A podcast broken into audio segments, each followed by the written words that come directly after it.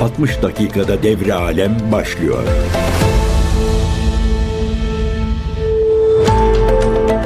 CGTN Türk Radyo'dan herkese merhabalar. Ben Erkin Öncan. Dünya turumuza bugün başlayacağız. Tabii bir Ukrayna haberiyle başlayacağız bugün ama dünya genelinden haberlerden ziyade bugünün en önemli konusuna değineceğiz. Konumuz NATO. İsveç'in üyeliği bugün oylanacak. Milliyetçi Hareket Partisi Genel Başkanı Devlet Bahçeli şimdiden zaten e, destek açıklaması yaptı. En önemli konu hem uluslararası bir konu hem de e, güncel güncel olması açısından bizim için de önemli bir konu. Ama öncesinde bir Ukrayna haberiyle başlayacağız. Haberimiz nedir? Ukrayna içerisindeki siyasi e, tartışmalar artarak devam ediyor Ukrayna'da. Son olarak Kiev Belediye Başkanı Klitschko e, bir röportaj verdi Kanada basınına ve Ukrayna lideri Zelenski'yi e, doğrudan e, topa tuttu.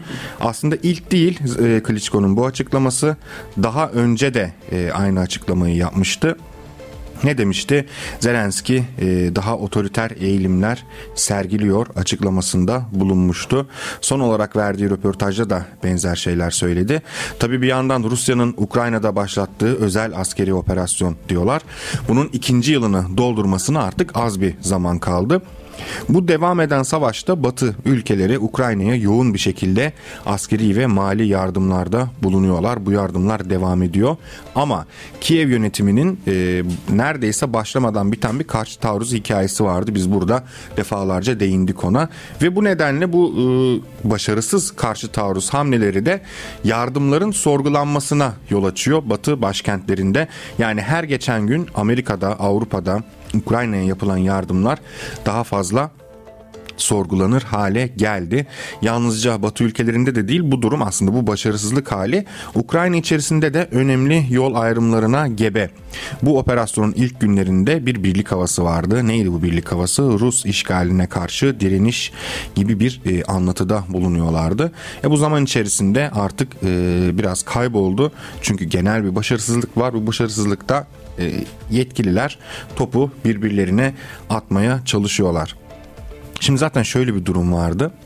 Bir süredir Zelenski ve diğer üst düzey e, yetkililer arasında tartışmalar yaşanıyordu. Bununla ilişkin hem kulis haberleri vardı hem de aynı zamanda e, ortaya çıkan açıklamalar yapılmıştı. Neydi bu?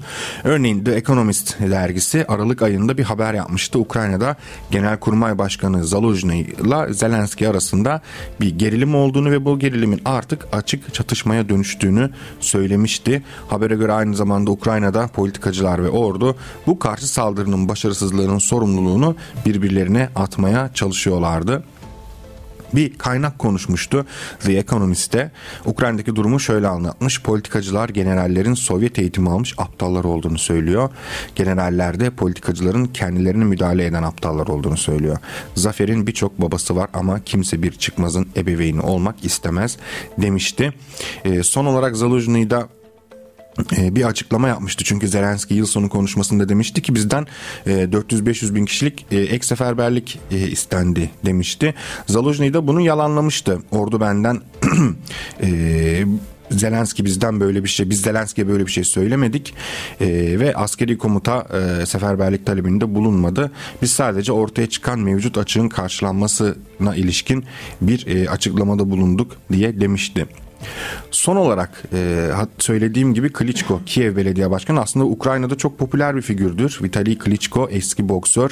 E, bayağı Ukrayna'da hem ünlü hem de aslında Ukrayna'nın e, Rusya'ya karşı olan savaşında da öne çıkan bir isimdi.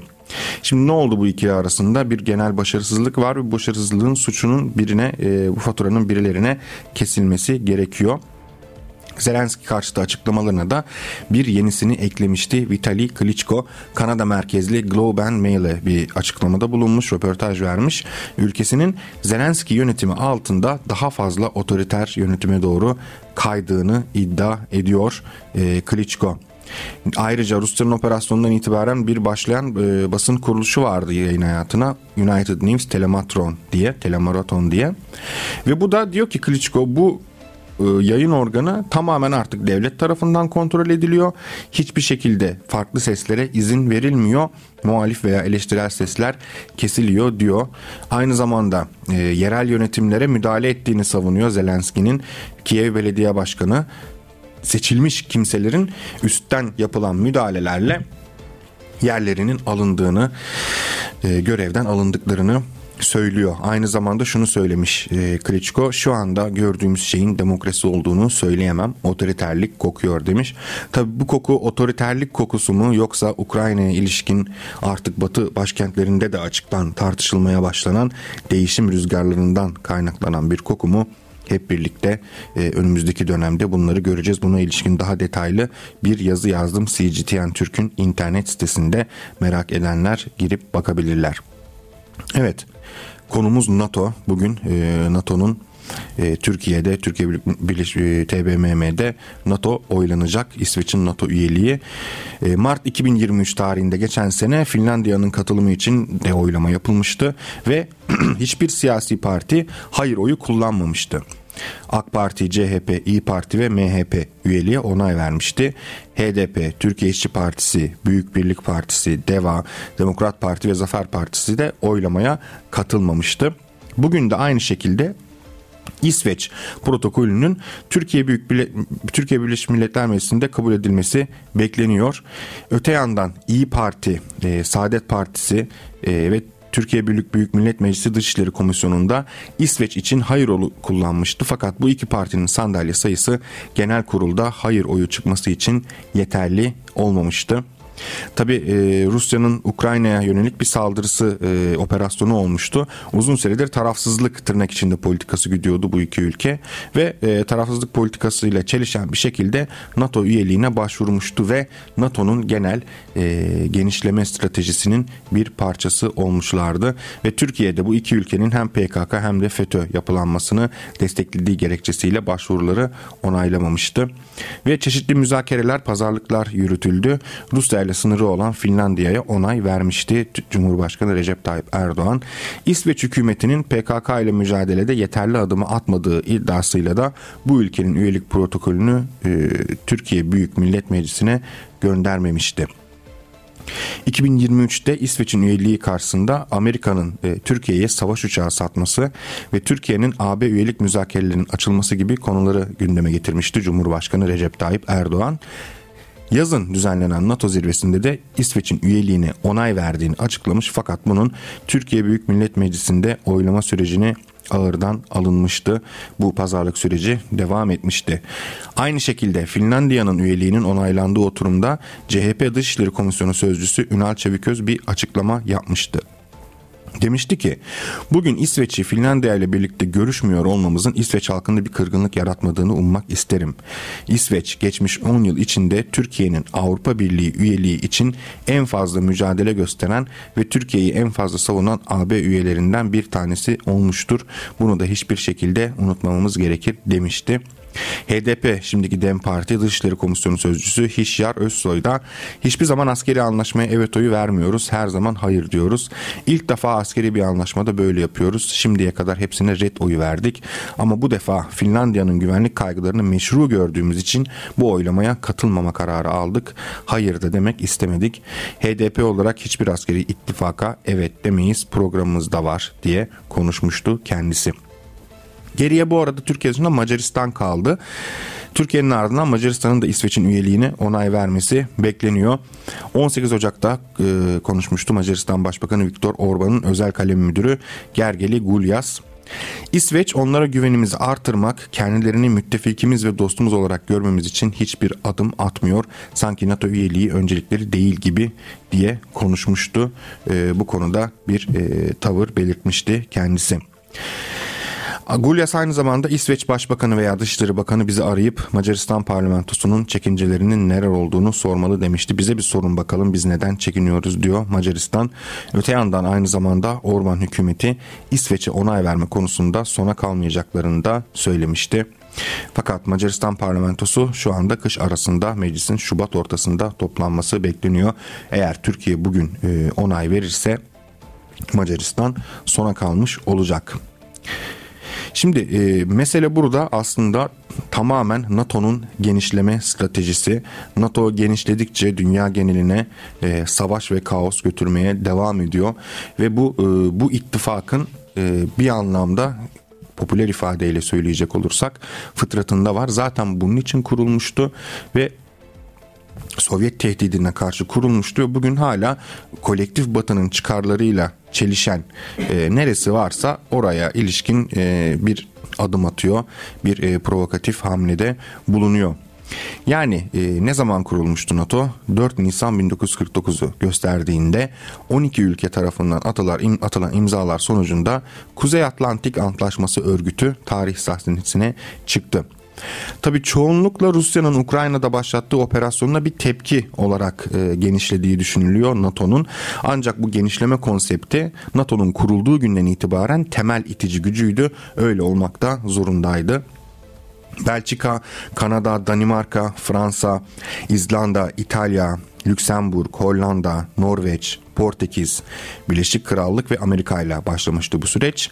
1952'de Yunanistan ve Türkiye, 1955'te Batı Almanya, 1982'de İspanya, 1997'de Çek Cumhuriyeti, Macaristan ve Polonya.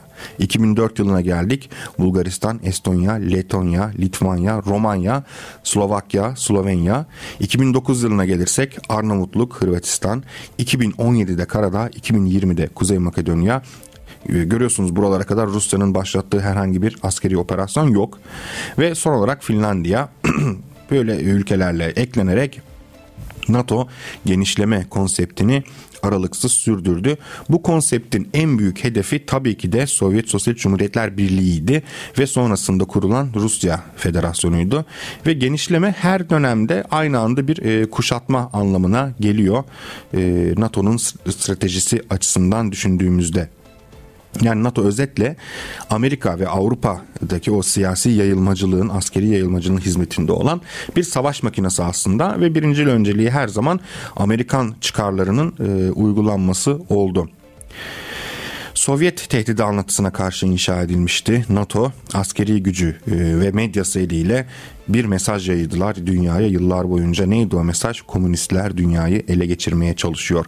Bunu yaparken temel motivasyonları da e, neydi? 19. yüzyılda arka arkaya patlak veren sosyalist devrimler, ulusal kurtuluş hareketleri gibi e, hamlelerle önü açılan dünyada bir alternatif olarak daha çok düşünülen komünizm hayaletinin önüne bir set çekmekti. Yani Sovyetler Birliği'ne karşı savaşılmalıydı. Bu savaşın da bir zemini olacaktı ve öncelikli olarak Avrupa'ydı ama Kore ve Vietnam gibi dünyanın diğer bölgelerinde de yürütülmesi gerekiyordu bu savaşın. Yani özetle NATO genişleme e, stratejisine hızla devam etti uzun yıllar boyunca. Sadece bir savaş örgütü değil NATO savaş ittifakı değil aynı zamanda bir siyasi dizayn aracı. Yalnızca düşmanı değil kendi üyelerini de korumanın e, tırnak içinde söylüyoruz bunu işlevli bir aracıydı. Nasıl bir korumak neyden korumak sosyalizmden korumak kendi üyelerini de toplumsal mücadelelerden korumak emek eksenli insanların hakkını aradığını bir aradığı bir e, toplumsal düzenden korumak gibi bir e, işlevi de vardı NATO'nun. Ve e, dolayısıyla genişlemediği sürece aslında ölmeye mahkum olan bir ittifak bu. E, çünkü genişlemediği sürece insanlar bunun varlık sebebini daha çok sorgulamaya başlayacaklardı. E, ne açıdan biz niye var bu NATO? Biz ne yapıyoruz? Biz niye askeri stratejimizi, bütün e, güvenlik konseptimizi NATO'nun yani en başında Amerika'nın çıkarlarına göre e, belirliyoruz gibi sorular arka arkaya sorulmaya başlanacaktı. Soruluyor da zaten ama bu tür soruları aza indirmek için sürekli bir düşmana ihtiyacı vardı NATO'nun. E, zaten bu arada yeni değil daha 1990'ların sonunda Rusya sınırlarına ulaşmıştı. Hani Rusya e, operasyon başlattı Ukrayna'yı işgal etti diye genişledi deniyor ama aslında 1990'larda Rusya sınırına ulaşmıştı. Ve bütün bu sürecin temel sloganı da tabii ki de demokrasiydi. Amerika nereye demokrasi götürse orada zaten silahlar konuşuyor. Yani e, şöyle bir tarif yapıyorlar. Atlantik bir dünyası var ve Atlantik dünyasında yaşayan özgür halklar var ve bu özgür halklar e, bu demir perde dedikleri o totaliter rejim dedikleri komünizme teslim olmamalıydı ve dolayısıyla tabii ki de bu genişleme hamleleri Sovyetler Birliği ortadan kalktıktan sonra durmadı. Yani Sovyet tehdidine karşı kuruldu. Artık Sovyetler Birliği yoktu. E, ama NATO'da olmaması gerekiyordu temel mantığa göre. Ama tabii ki de durmadı. Yani Dolayısıyla mesele yalnızca Sovyetler Birliği'nin bir e, siyasi alternatif olarak varlığı değildi. Daha çok Amerikan siyasetlerine, o emperyalist siyasete uyumlu siyasi ve ekonomik düzenin Sovyet coğrafyası dediğimiz bölgenin tamamında hakim kılınmasıydı. Dolayısıyla Batı siyasal anlatısında antikomünizme her daim eşlik etmiş Rus düşmanlığı propagandasına da bu yüzden devam etti. Bugünkü konumuz NATO'ydu. NATO'yu konuşmaya devam ediyoruz. En son ne demiştik? Ee, Sovyetler Birliği dağıldıktan sonra da NATO bir ittifak olarak varlığını sürdürdü ve e, Rusya'nın Ukrayna'da başlattığı operasyondan çok çok daha önceki zamanlarda e, genişlemeye devam etmişti. Rusya sınırlarına e, dayanmıştı ve bunu yaparken de hem antikomünist propaganda yapmıştı hem de Rus düşmanlığı fikrini işlemişti. Özgür Avrupa e, anlatısı altında. E, Rusya nasıldı Sovyetler Birliği yıkıldıktan sonra? Ekonomik kriz, mafya ve oligarşi üçgeninde çırpınan bir ülkeydi 90'lı yıllarda ve böyle bir ortamda NATO'nun bu yayılmacı çizgisi dünyadaki tek hakim güç olmaya başlamıştı ve bu hakimiyetin e, sahada atılan adımları da oldu. Vurucu gücünü göstermeye başladı. Nerelerde? 1999'da Kosova'daki savaşta, 2001'de Afganistan'ın işgalinde, 2011'de Libya'ya yönelik emperyalist saldırılarda bu vurucu gücünü hayata geçirdi. Neler olmuştu? Kısaca bir hatırlayalım. 1999 yılında Kosova, Sırbistan ve Karadağ 13 ülkeden 600 uçak tarafından bombalanmıştı. Temel hedef NATO'nun Balkanlardaki etki alanını genişletecek Amerikan yanlısı bir hükümetin tesis edilmesiydi. Bunu da yaptılar Kosova'da. Kosova'da bugün hala e, Clinton heykeli vardır. Bu amacı Rusya'nın etki alanının sınırlandırılması olarak da okuyabiliriz tabii ki de. Kararlı güç harekatı dendi bu bombardımanlara. Ve misket bombası dışında 6000'e yakın uranyumlu füze ve bomba atıldı bölgeye. Mülteci kampları, su ve elektrik kaynakları gibi yaşamsal noktalar da bombalandı ve bunu yaparken aynı kararlı güç dedikleri kararlılık hakim kılındı. Pentagon daha sonra Bosna Hersek'te 10.800 uranyumlu bomba atıldığını kabul etmek zorunda kaldı ve sayısız Sırp e, ölümü ve sürülmesiyle sonuçlanan etnik temizlik harekatlarında da bu aynı kararlılık gösterildi. Aynı saldırganlık NATO tarafından Afganistan tarafında da yaşandı. E, tabii Amerikan çıkarları için bir NATO şemsiyesi açıldı. Hep böyledir bu. Anlaşmanın ünlü 5. maddesiyle yani ittifak üyelerinin Afganistan'a sürüklenmesiyle açıldı.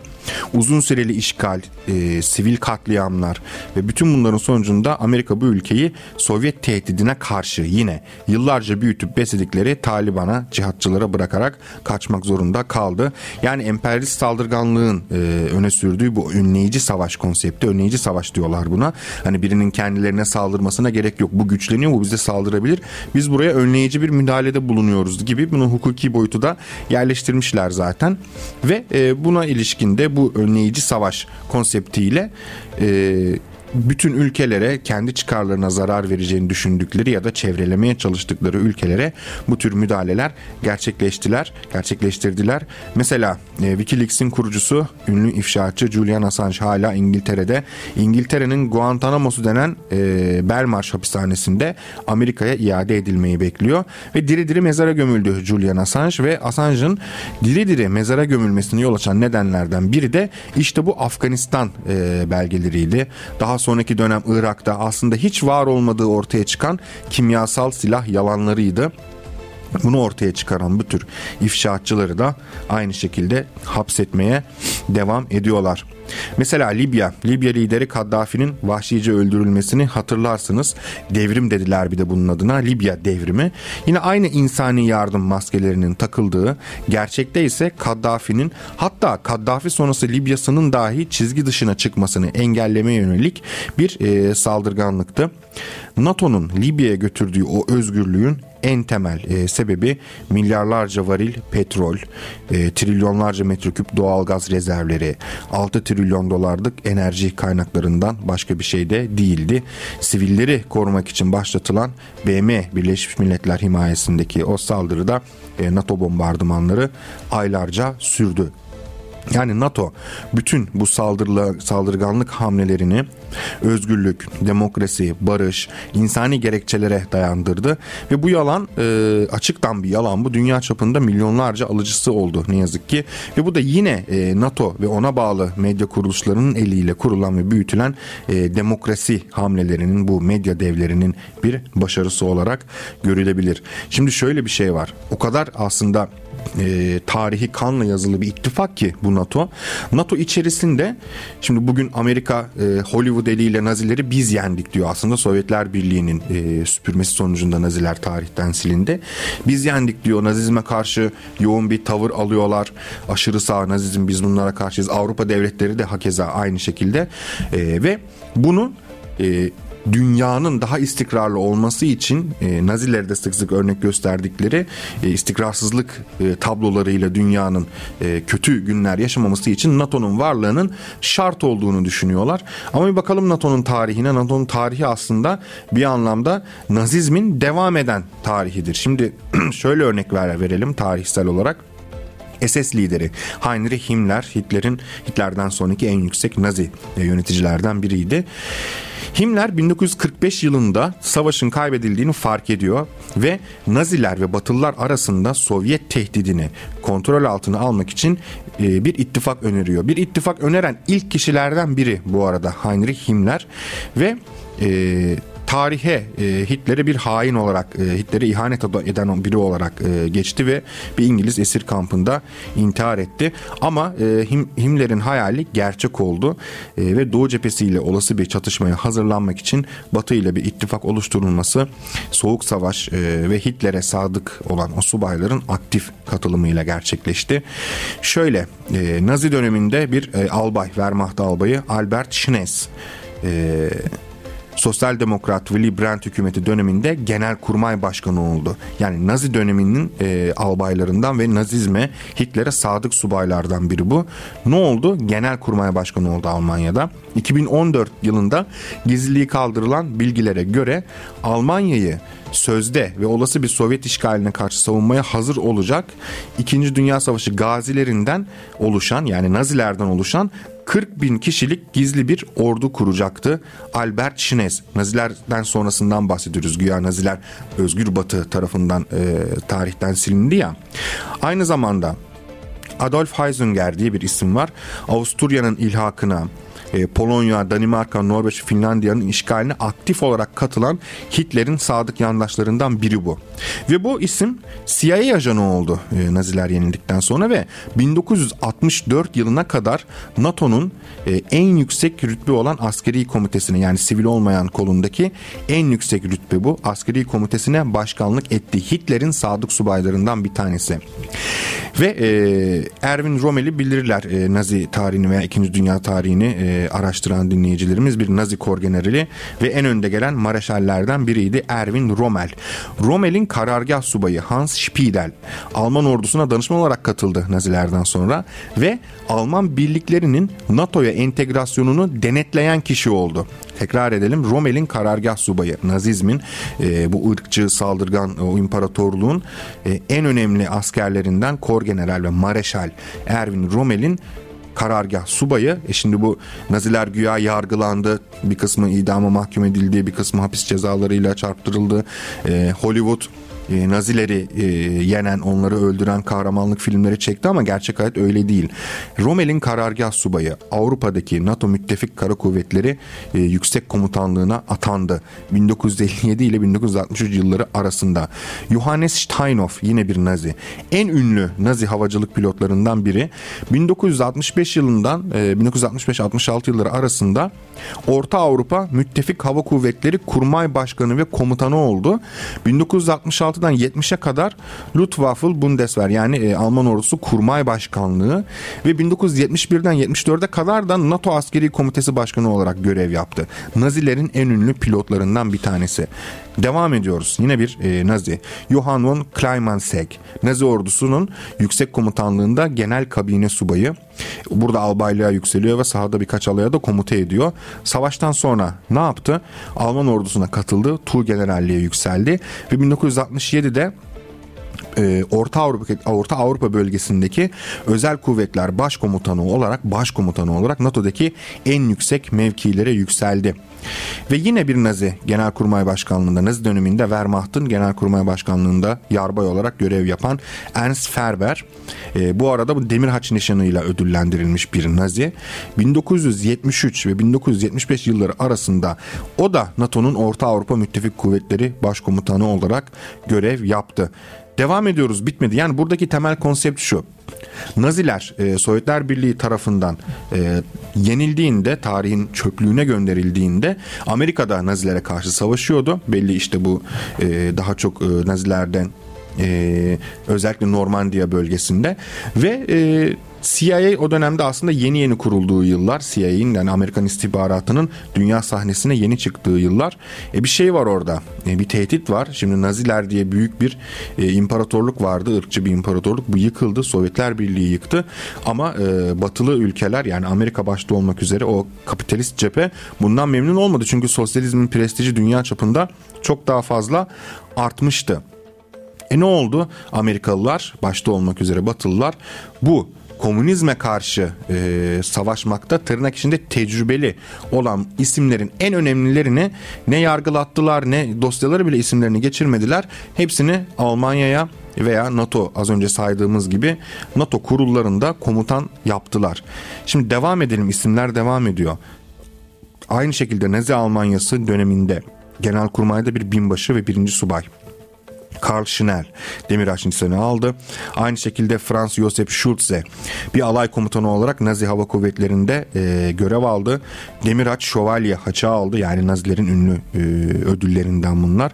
Savaş sonrası Almanya'da general oldu ve daha sonra 1977-79 arasında e, o da NATO'nun Avrupa e, Müttefik Komutu Kuvvetleri'nin başkomutanıydı. E, ve Ferdinand Wortsenger und Etterlin isimli e, bir görevli Nazilerin Sovyetler Birliği'ni işgal ettiği dönemde o ünlü Barbaros Harekatı'nda görev aldı. Stalingrad Savaşı'na katıldı. Altın Alman haçıyla ödüllendirildi Naziler tarafından. Peki bu isim ne yaptı savaşın sonunda? E, donanmada yüksek komuta personelinin yardımcısıydı. E, daha sonra tank taburlarına komuta etti ve 1979-1983 yılları arasında o da NATO'nun Orta Avrupa Müttefik Kuvvetleri'nin generali ve başkomutanı oldu.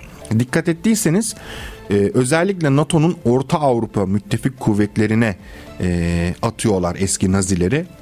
Neden? Çünkü orası e, Batılıların anlatımıyla Sovyet tehdidinin en fazla hissedildiği bölgelerdi. Doğu Avrupa, Orta Avrupa ve Baltık bölgesi. Yani e, Ukrayna'daki savaştan bahsediyoruz ama neredeyse iki yıla yaklaştı. Bu Ukrayna'da devam eden savaşı da bu tarihsellik içinde görmemiz mümkün. Ukrayna'da hem Sovyet öncesi dönemde hem Sovyetler Birliği döneminde hem de sonrasında Batı'da emperyalist güçlerin gözünü diktiği ve uzun süre boyunca istikrarsızlaştırılmaya çalışılan bir bölge bölge. Yani Rusya'nın Ukrayna'ya olan operasyonunun NATO'yu yeniden birleştirdiği yönündeki tezler dolayısıyla bu tarihsellikten uzak. Zaten NATO her zaman e, Rusya'ya karşı çok birleşmiş bir durumdaydı. Öyle birleşmişlerdi ki e, Nazileri, tecrübeli Nazileri de hiçbir şekilde yargılamadan kurtararak e, kendileri NATO'da görevlendirecek kadar zaten birleşmişlerdi. Şimdi bazen televizyonlarda söyleniyor ya Ukrayna'da işte Rusya Ukrayna'ya saldırmasaydı bu kadar olacak mıydı, olmayacak mıydı. Olmayacaktı.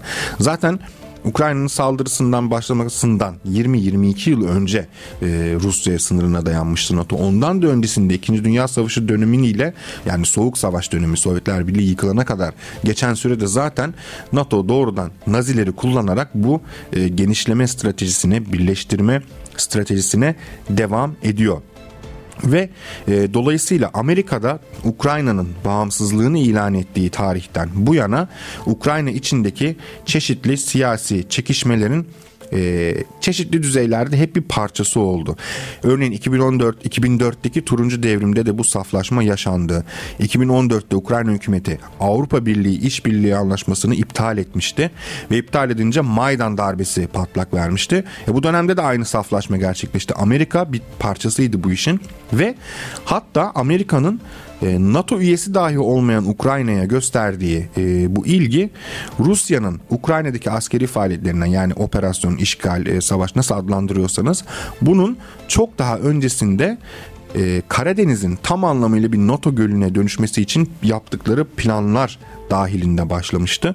Hatırlarsınız 2019'un sonlarında Fransa lideri Emmanuel Macron'un bir açıklaması olmuştu. Çok tartışılmıştı. NATO yönümü gerçekleşti demişti NATO için.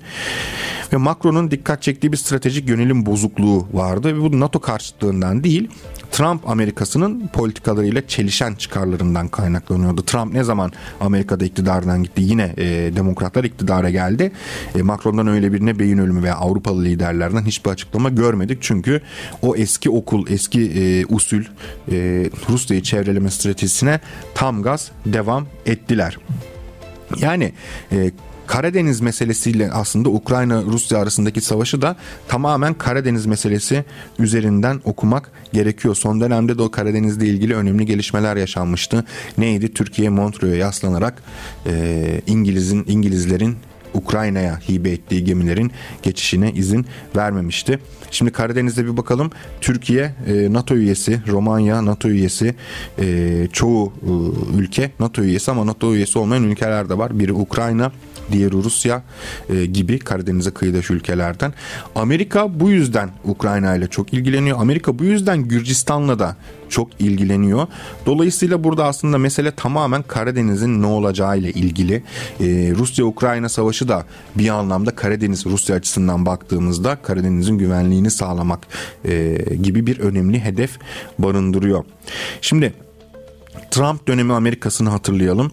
Ukrayna'ya doğrudan müdahaleye bıçakla kesilmiş gibi bir ara verilmişti e, dönem oldu. Hatta Trump'ın azil sürecinin de Biden ailesinin ve demokratların Ukrayna ile olan ilişkilerini biraz didiklemeye başladıktan sonra başladığını da hatırlamamız lazım. Ve bütün bunları alt alta koyduğumuzda karşımıza yine genişleme konsepti bağlamında Amerika-Avrupa ilişkileri ve Avrupa'daki o hakim sınıfların çıkar çatışmaları çıkıyor.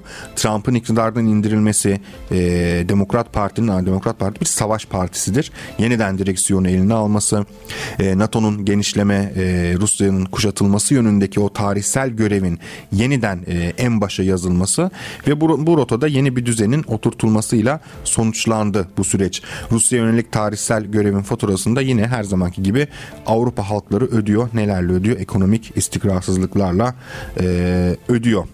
Ödemeye de devam edecek. Aynı şekilde NATO'ya katıldığımız 1952 yılından bu yana Türkiye'de e, maalesef bütün bu önemli planların parçası oldu. Başta Kore Savaşı olmak üzere Türkiye o dönem Amerika tarafından bir yandan ekonomik yardımlar aldı ama bir yandan da Sovyetler Birliği'ne karşı bir ileri karakol, ileri üs haline getirildi. Türkiye'deki bütün siyaset e, dizaynı, bütün askeri güvenlik konsepti doğrudan Amerikan çıkarlarına göre geliştirildi, uygulandı. Ama bugün ne oldu?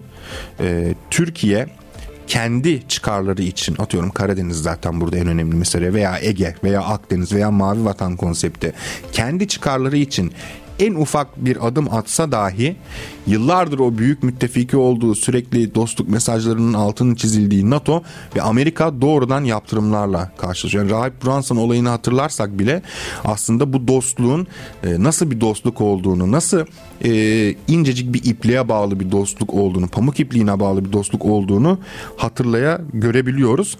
E, bundan sonra da öyle olacak. Şimdi Ukrayna meselesinde Türkiye dış politika alanında aslında dengeci bir tutum izledi, başarılı bir tutum izledi. E, ama bir yandan da en son hatırlattığımız gibi İngiliz gemilerinin de geçişini engelledi. Kendi yine NATO üyeleri olarak ama kendi e, güvenlik orada mayın temizleme konseptini başlattı Romanya ve Bulgaristan'la birlikte. E şimdi ne olacak? Bu meseleyi aşmaya çalışacak Amerika ve İngiltere. Türkiye burada direnç gösterirse yeni gerilimler kapıda demektir. Direnç göstermezse yine NATO'nun ve Amerikan çıkarlarının e, tam olarak uygulandığı bir süreç yaşanacak. Bugün de oylanacak. Yani muhtemelen geçecek İsveç'in üyeliği çünkü Devlet Bahçeli açıklama yaptı. Hmm, AK Parti'nin olumlu bir tutum alacağı söyleniyor.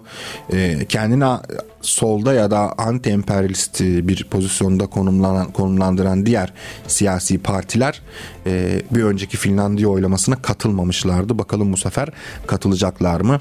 HDP yani Dem Parti e, az önce söylediğimiz gibi biz hiçbir ittifaka e, askeri ittifaka oy vermiyoruz ama verebiliriz gibi bir çizgi izliyor. CHP zaten doğrudan e, şu anda e, destekler pozisyonunda duruyor. Dolayısıyla muhtemelen e, İsveç'in üyeliği de onaylanacak ama daha önce İsveç'e Türkiye'nin sunduğu şartlarda nasıl bir ilerleme e, kaydedildiği de biraz e, merak konusu. Yani e, bu arada CIA de NATO içerisinde çok aktif bir konumda. Çünkü NATO demek aslında en başta Amerikan çıkarları demek.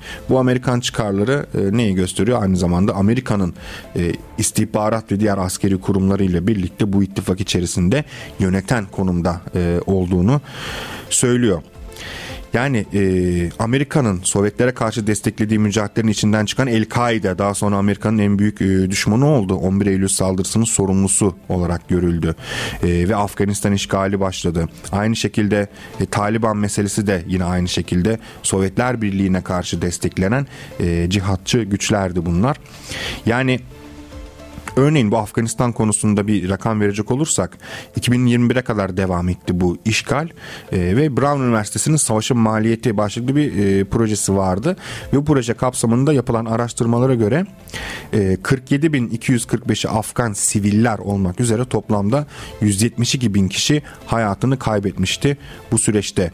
Afganistan meselesinde özellikle 20 yıl süren bu işgalde insan hakları ihlalleri de oldukça fazla yaşandı.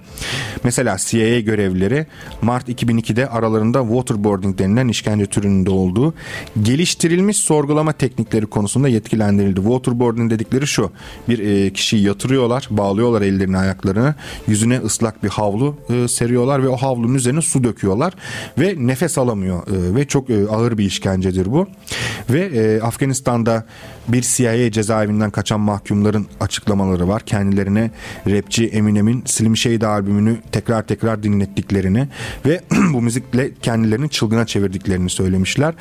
E, ve soruşturmalar sonucunda aynı zamanda 15 Amerikalı askerin tutuklandığı Bagram cezaevinde e, yanlış zamanda Amerikan üstünün yanından geçen masum biri öldürülmüş işkencelerle. Yani Şimdi mevcut durumda Amerika ve NATO Afganistan'dan çekildi. İşgal birlikleri daha ülkeden çıkmadan yavaş yavaş e, Afganistan'ı Taliban ele geçirdi. Ve bugün Afganistan'da e, Taliban yönetiyor. Yani NATO'nun buradaki planları aslında büyük oranda ters tepmiş oldu.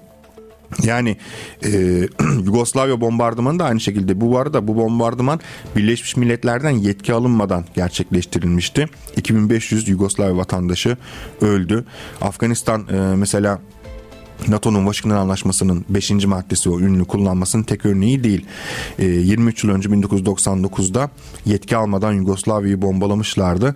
Ve orada Joe Biden, başkan e, ABD Başkanı Joe Biden'ın e, Belgrad'ın bombalanmasını, Amerikan pilotlarının gönderilmesini ve Tuna üzerindeki tüm köprülerin havaya uçurulmasını öneren bendim sözleriyle sorumluluğunu aldı bu bombardımanda. Binlerce kişi öldü.